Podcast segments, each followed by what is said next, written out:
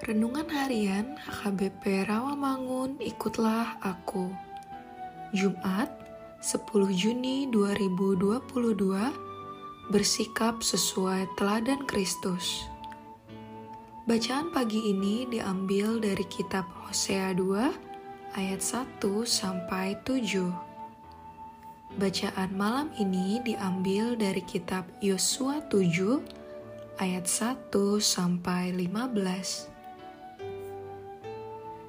dan kebenaran firman Tuhan hari ini akan kita dengarkan dari kitab 1 Petrus 2 ayat 21 yang berbunyi Sebab untuk itulah kamu dipanggil karena Kristus pun telah menderita untuk kamu dan telah meninggalkan teladan bagimu supaya kamu mengikuti jejaknya.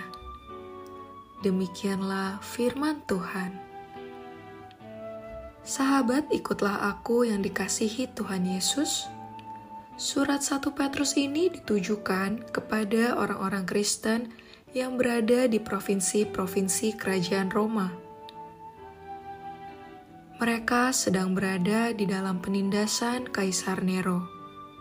Selain itu, mereka juga diperlakukan secara tidak manusiawi oleh majikan-majikan mereka. Lalu, bagaimanakah sikap mereka menghadapi tekanan dari penguasa dan ketidakadilan dari majikan mereka? Petrus menasihati agar mereka jangan melawan, apalagi membalas dendam. Namun, tetap mengasihi, bahkan memberikan teladan yang baik.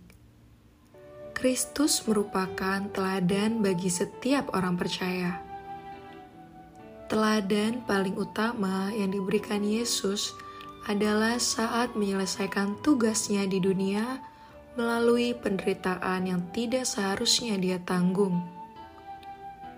Yesus mengalami berbagai penderitaan karena menuruti kehendak Bapaknya. Dia yang tidak bersalah, tapi harus dihukum mati di atas kayu salib. Dia yang tidak merugikan orang-orang yang menyiksa dan menghujatnya, tapi dicaci maki dan diolok-olok mereka. Namun hebatnya, Yesus tidak mengancam balik dan membalas orang-orang yang menyakitinya.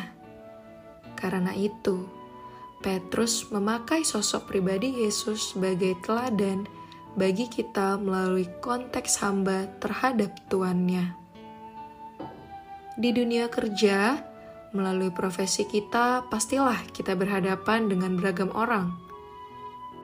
Mungkin sebagai karyawan, kita berelasi dengan atasan di tempat kerja dan apa yang dilakukannya. Sebagai pengikut Yesus, kita wajib meneladani Yesus. Bekerjalah dengan baik dan penuh tanggung jawab.